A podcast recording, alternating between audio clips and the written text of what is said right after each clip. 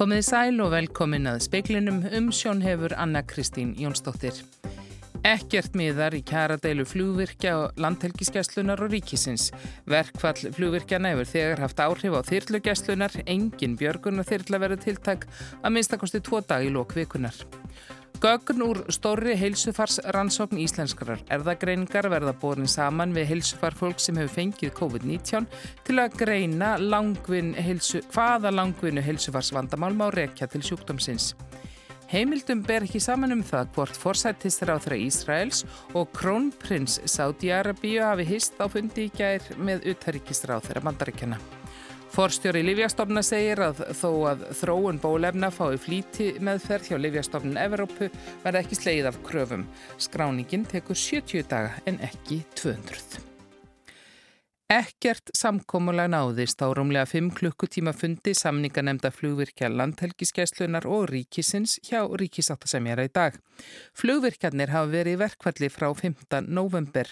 Deilan snýst mikið til um tengingu samningsflugvirkjageslunar við samning flugvirkja hjá Æslandir.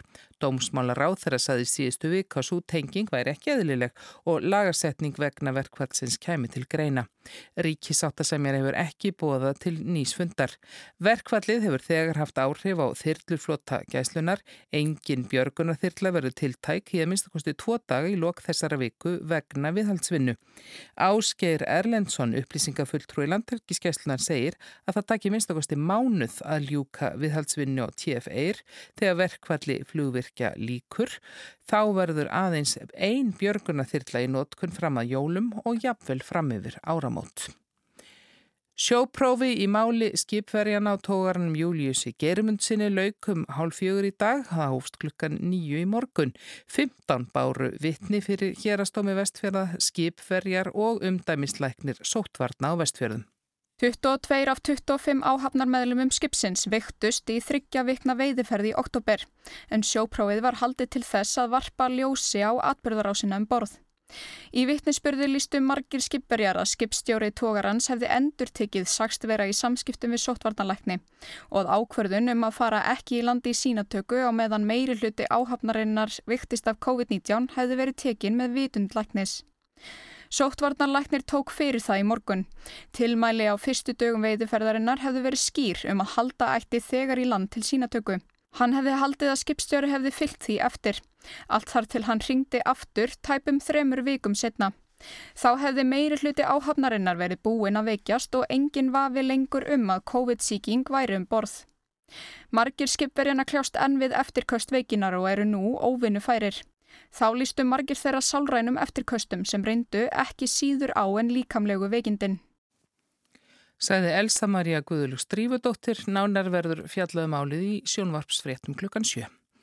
Mart bendi til þess að virkni bólöfni sem vísindamenn við Oxford Háskóla hafa unnið að í samvinnu við AstraZeneca livjafyrirtækið sé meiri en þau 70% vörd sem greint hefur verið þegar frá.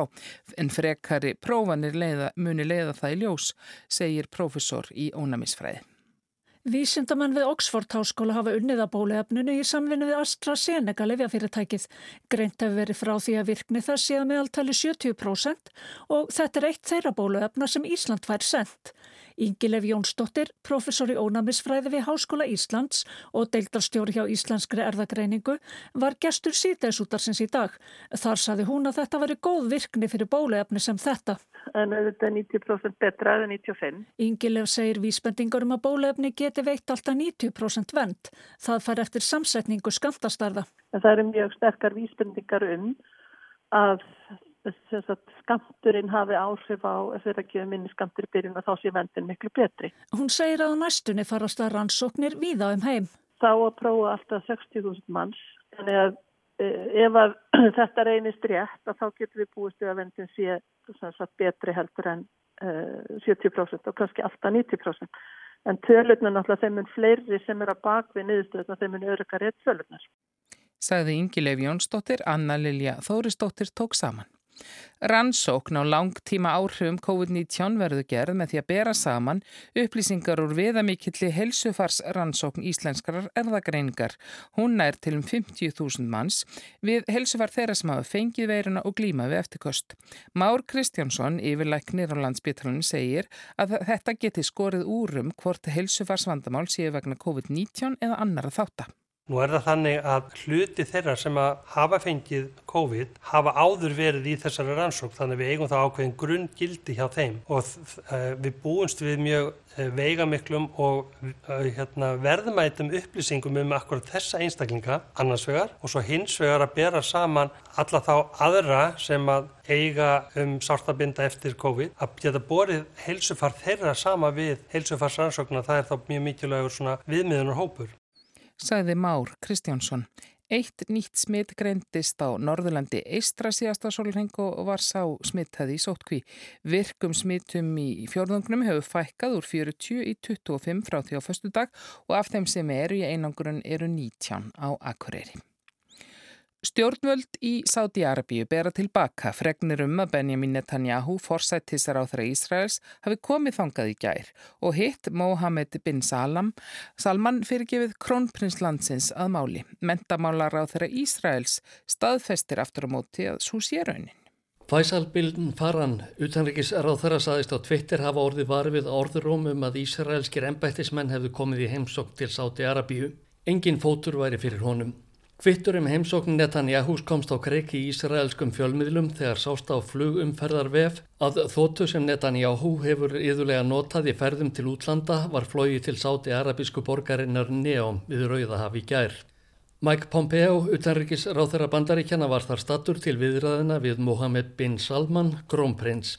Í ljósi þessa samskipti Ísraelsmanna hafa farið batnandi að undanförnu við persaflóaríkinn Bahrein og samænuðu arabísku fyrstadæminn Fyrir tilstilli bandaríkjamanna virðist svo álíktun hafa verið dregin að umleitanir varu hafnarum bætt samskipti millir Sáti Araba og Ísraels manna. Sáti Arabar hafa líst við yfir að þessi þróun sé spóri rétta átt en lít tjáð sig að öðru leiti. Fasal bin Faran sagði á Twitter að einungis bandarískir og Sáti Arabískir en bættismenn hefðu verið á fundinum í gær. Útvarp Ísraels hers hafði það hins vegar eftir Jóaf Galland, mentamálar á þeirra Ísraels í dag að forsættisráþurann hafi vissulega farið til fundar við Bin Salman og Mike Pompeo. Skrifstofa Netanyahús hefur ekki viljað tjá sig um fréttina, sömu sögu er að segja um utanríkis ráðuneytið í Washington. Engin stjórnmálasamskipti eru milli Ísraels og Sáti Arabíu. Ásker Tómasson sagði frá.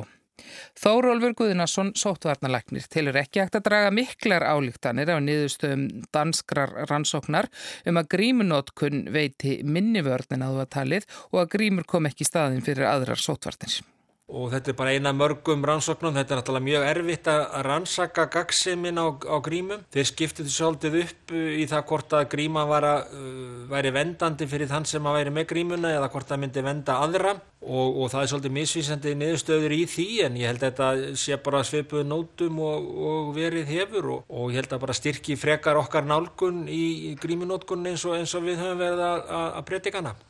Þórólu segir að þetta sé ein rannsókn af mörgum og þegar rannsóknir séu misvísandi sé mikilvægt að styðjast við leðbynningar frá Alþjóðaheilbriðistofnunni og Sótvarnastofnun Evrópu. Við höfum nýtt okkur það og við erum ekki að hlaupa eftir hverju einustu rannsók sem byrtist eða kemur um hvort við mælum með eða á móti grímum. Við höfum reynd að, að draga líka okkar svona eigin álittanir en fylgja samt þessum uh, alþjóðastofnunum sagði Þórólfur Guðnason. Jólatörnin er löngu byrjuð hjá póstunum. Þetta segir Hörður Jónsson, framkvæmdastjóri Rekstrasviðs póstsins. Núna séu allir dagar stórir og mikið um pakkasendingar og mikil netverslun. Síðustu skiladagar fyrir pakka sem senda á til landa utan Evrópu er í lokvikunar fyrir Evrópulönd 7. desember. Já, það sem er náttúrulega núna síðasta ársfjörðingin gríðarlega aukning og við erum til dæmis að horfa á oktober 54% aukning í innlendum pökkum. Nóember stefnir í að vera 100% aukning frá árinni fyrra í innlendum pökkum en vissulega er samdráttur í erlendum sendingum og breyfapósti en, en pakkarnir eru algjörlega að vaksa gríðarlega. Sagði Hörður Jónsson.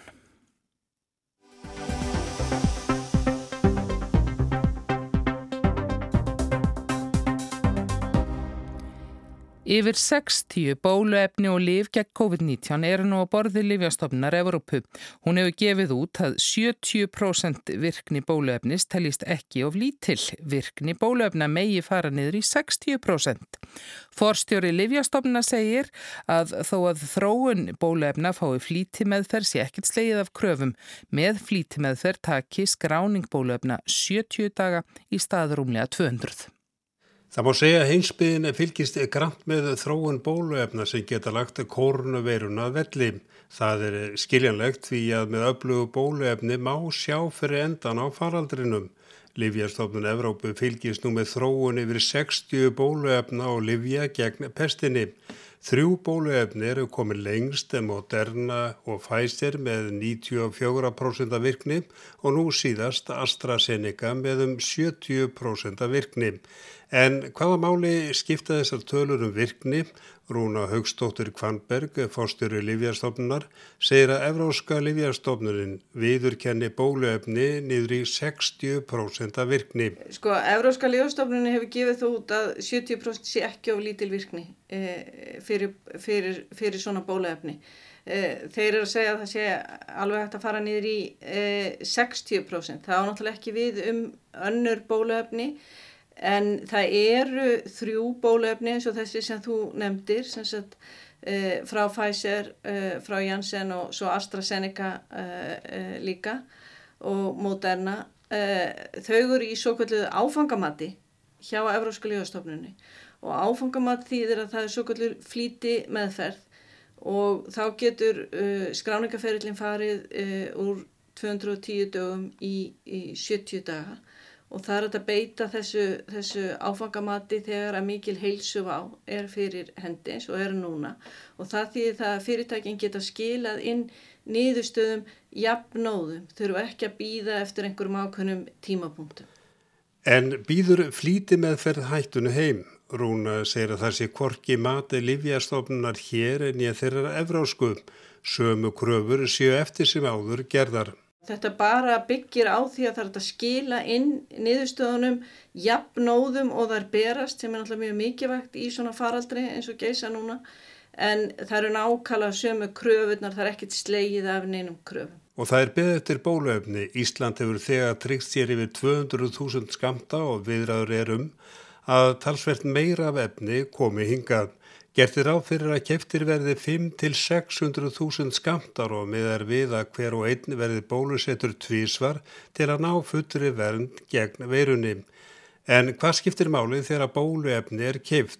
Er það verðið, virkni eða hvernig þarf að flytja efnið millir landa? Sko verðið er náttúrulega sjálfsög aldrei hluti af, af markasleifinu og ekki, ekki flytningurinn.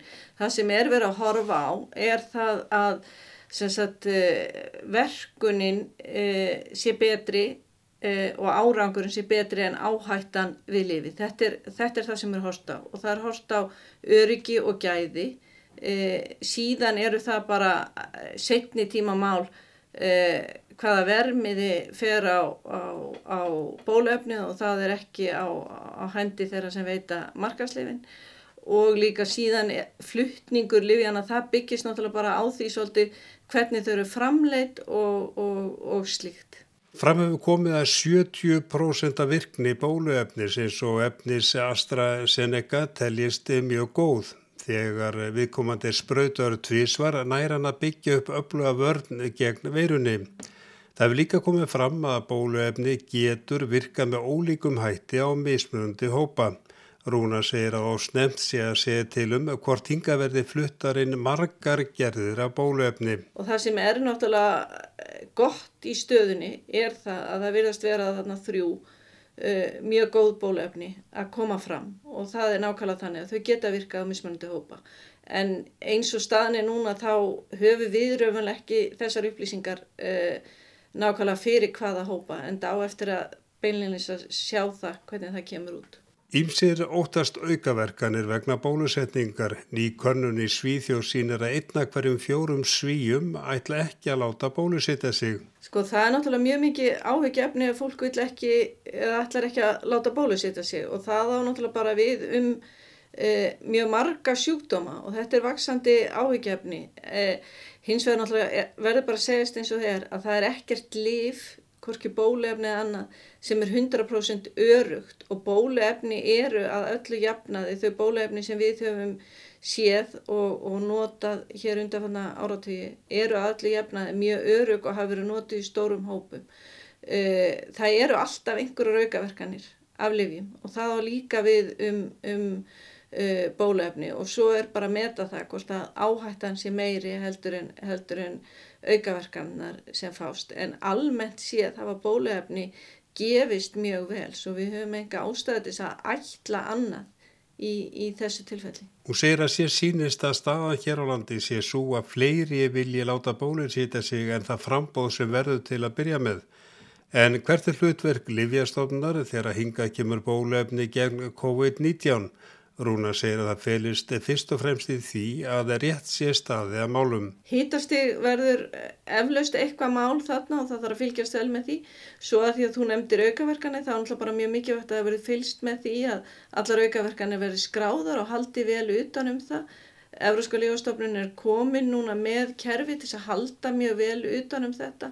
Nú með nýjun livjalögum sem taka gildi núna 1. janúar þá verður öllum heilbriðs starfsmennu skilt að tilkynna aukaverkanir. Svo leys að þetta er kannski það helsta sem, sem snýr að okkur og líka tryggja bara upplýsingar séu réttar og allt slíkt. En hvena verður byrjað að bólusetja? Rúna bendir réttilega á að ekki sé að það byrja fyrir nefnin eru tilbúin.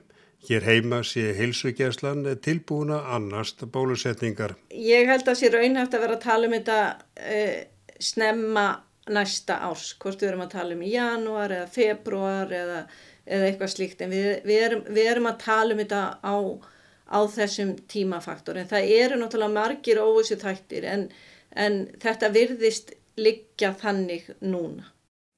Sagði Rúna Haugstóttir Kvanberg, Arnar Páll Haugsson talaði við hana.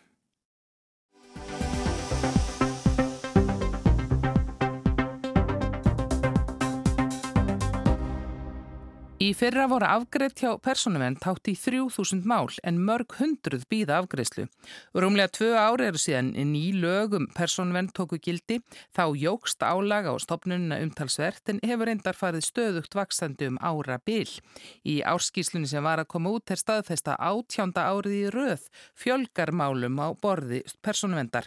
Helga Þóristóttir, forstjór hennar, segir á tækniöld aukist áskoranir sem varða vinslu personupplýsinga en líka auka vitund almennings. Málum regnir yfirstofnununa en miða við fjárlög næsta árs verður að fækka starfsmönnum í stað þess að bæta við sem rík þörf sé þó á. Þrátt fyrir við höfum í rauninni sko uh, velt hverjum steini, ef svo má segja, við höfum búin að í rauninni fara í hildar endur skoðun á allri starfseminni, skiptin upp í kjarnasvið og annað og búin að stitta alla það verkverðla sem hægt er að stitta, búin að losa okkur við þau léttari mál sem hægt er að losa okkur við, þá er staðan svo við horfum fram á það að nú þegar likur fyrir svona cirka ár í ágreða málinn sem við erum að erum þegar komið og það koma nýjum mál á hvernig degi. Hvaða áhrif hefur, já, það sem hefur nú kannski haft hvað mest áhrif á líf okkar allra undarfærið koronaviru faraldurinn og COVID-19, hvaða áhrif hefur það haft á ykkar starf? Það er ágætt að þú skulle nefna það sérstaklega vegna þess að einmitt COVID-tengt mál eru komin upp í cirka 180 mál hjá okkur nú þegar og það eru mál frá því að vera uh, aðkoma floknum vísendaransóknum og, og, og skoða þar hvað var þar personuvendina og hvernig uh, öryggi personupplýsingar háttað og síðan í rauninni allskins önnum mál eins og til og með kvartanum um það hvernig personupplýsingar hafi verið unnar í heims faraldri meðal annars hérna á Íslandi. Þannig að bara COVID hefur fært okkur 180 mál og svo er það all hinmálinn. Öll okkar samskipti hafa verið að færast yfir á nettið á undanföllum árum. Það kristallast í kórunveiru faraldurinnum, segir Helga. Nettengingunni fylgir hægt á að brotist sé inn í það rásir. Hvort sem það er heilbriðstjónusta eða mentun. Það er náttúrulega gríðarlega mörg tækifæri og margt gott í því þegar allum sem verið að, í rauninni kannski að gera heilbriðstjónustu þannig að það auðveldar samskipti við sérfrænga, við lækna á alla heilbriðstjónustuna en á samanskapi ef þarna er verið að fólk að þá skapar það gríðarlega mikla hættu. Það er hægt að brjótast inn í gangraða og það er hægt að brjótast inn í e, sjúkrahós og það er hægt að bjóruðust inn í orkveitur. Þannig að þegar þessi fyrirbæri í rauninni helstu mikilvægu innviður okkar eru á nettengdir þá þurfa þeir að vera öryggir eða eins öryggir og mögulegt er til að ekki ráðast á það. Helga segir þessi þegar dæmi að ráðist að sjúkrásun til þess að halda upplýsingum í gíslingu. Nýlega var ráðist á finska sálfræðistofu og skýrslur þeirra sem ekki vildu greiða fyrir byrtar á netinu og allt er þetta personu greinanlegar upplýsingar. Og þess vegna er vægi í rauninni personuvendar lögjafar svo mikið að þetta er í rauninni eina verkfærið, haldreipi til þess að, að tækla málinn þegar út af bregður. Personuvernd hefur lítið bólmagt til að sinna frumkvæðis aðtugunum og eftirliti en það er þó eitt megin atriði í personuverndarlögunum sem tóku gildi hitt að vera. Af því að það er svo margt sem þarf að varast og það þarf að taka stikkpröfu eh, svo víða.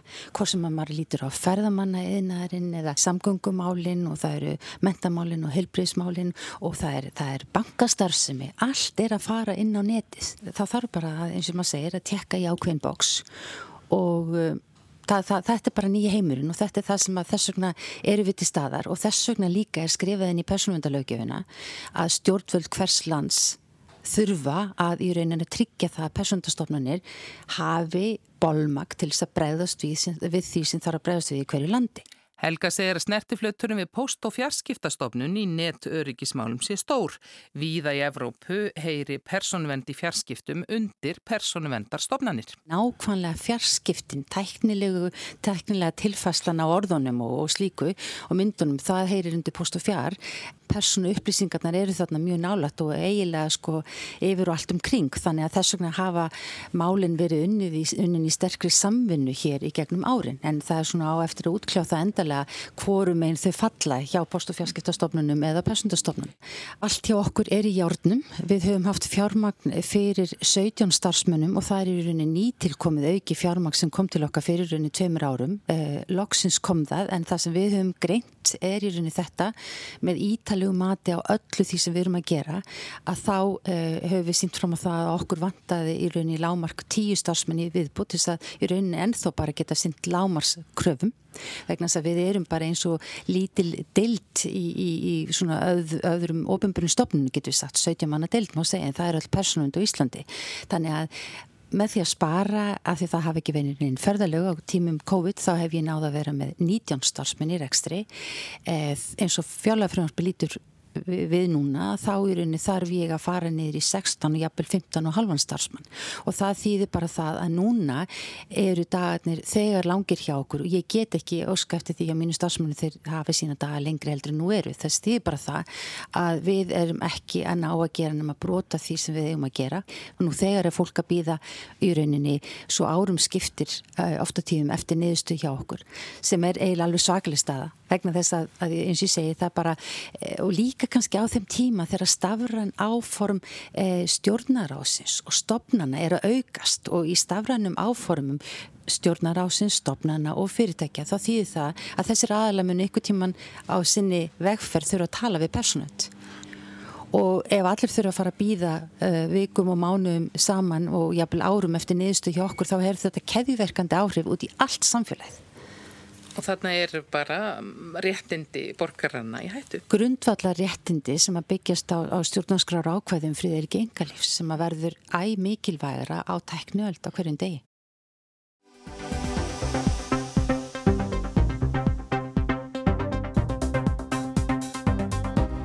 Í dag ávarpaði Boris Jónsson forsættist ráð þeirra breyta breska þingið til að kynna nýjar COVID-19 aðgerðir sem taka gildi þegar núverandi aðgerðum í Englandi líkur annan desember. Góða fréttin í Breitlandi í dag er svo að hópur vísindamanna við Oxford Háskóla hefur í samvinnu við Livjafyrirtækið AstraZeneca þróað nýtt bóluefni sem lofar góðu og er einfaldara í framleiðslu og dreifingu en þau efni sem þegar hafi verið þróið. Sigrun Davísdóttir er í Lundunum byrjum á ávarp uppi forsætsráð þeirra breyta í dag. Hver var bóðskapurinn? Eh, Boris Johnson forsætsráð þeirra eh, sá að það er þetta ímislegt gott í vandum, bæði viðtæk skimun og bólefni en það verður þó korki á morgun í hinn. Svo það þarf frekari aðgerða við þangatil og nú ímsið hafa velt fyrir sér hvað yrði með núverandi höft í Englandi en því svaraði fórsættisráðara mjög ákveðin.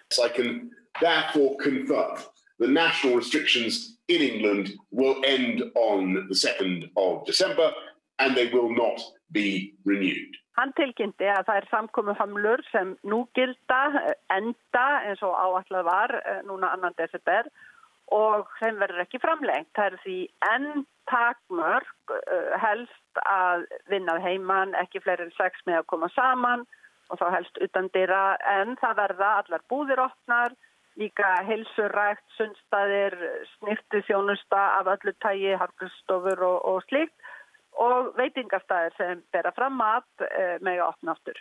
Og er þá alltaf að opna upp á gátt? Nei, reyndar ekki. So we're not going to replace national measures with a free-for-all of the status quo anti-COVID. Uh, we're going to go back instead to a regional tiered approach, applying the toughest measures where COVID is most prevalent. Bóðskapurinn er að nei, það verður ekki allt eins og áður, eh, ekki alveg komið svo langt. Heldur verður horfið til þess ráð sem var í gildi áður en þessar síðustu höflur voru settar 15. Eh, november.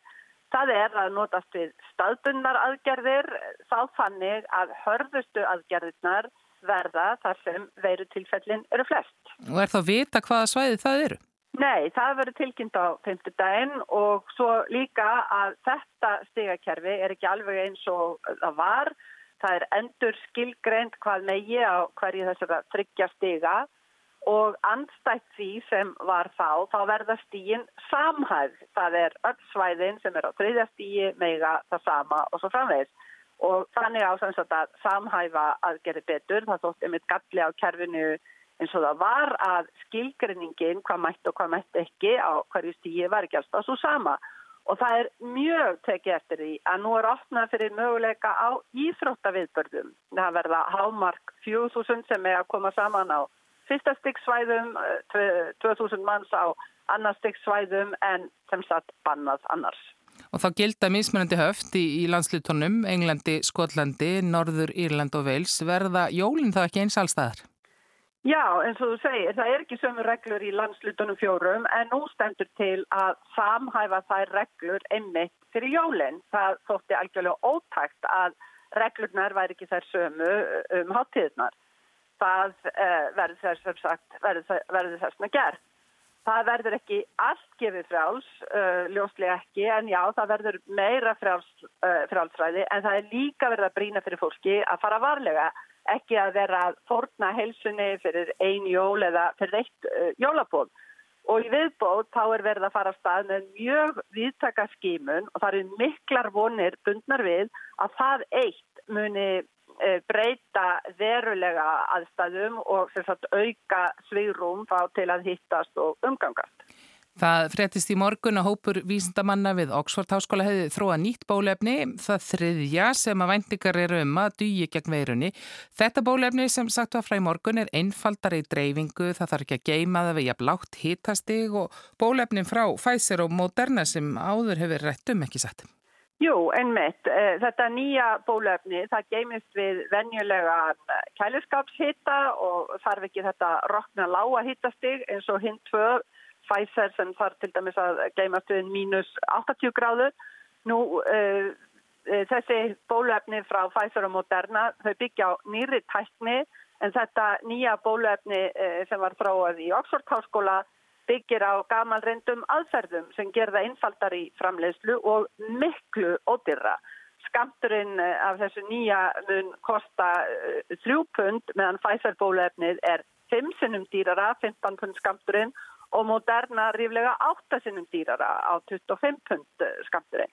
Ímsir hérna hefur veltaði fyrir sér hvort að bólefni sem er þróð svona rætt sé alveg örugt. Er rætt um það í Breitlandi? Sannarlega, en það er líka ímsar skýringar á akkur þetta hefur gengið svona rætt fyrir sig. Það er þannig að það ekki dölarfullt við þetta. Það skiptir ekki sístmáli að nánast öll livjafyrtæki sem fást við framleiðslu bóluefna dróðu meðal annars lær, þann lærdóm af ebólufaraldrinum sem heimurinn slapp við að fyrir en síðar þá kæmi upp nýr faraldur sem gæti herjað á allan heiminn. Þannig að það hefur verið gríðarleg vinna lögð í einmitt þær pælingar og það er ekki því skýringin á merkilega hröðum árangrið.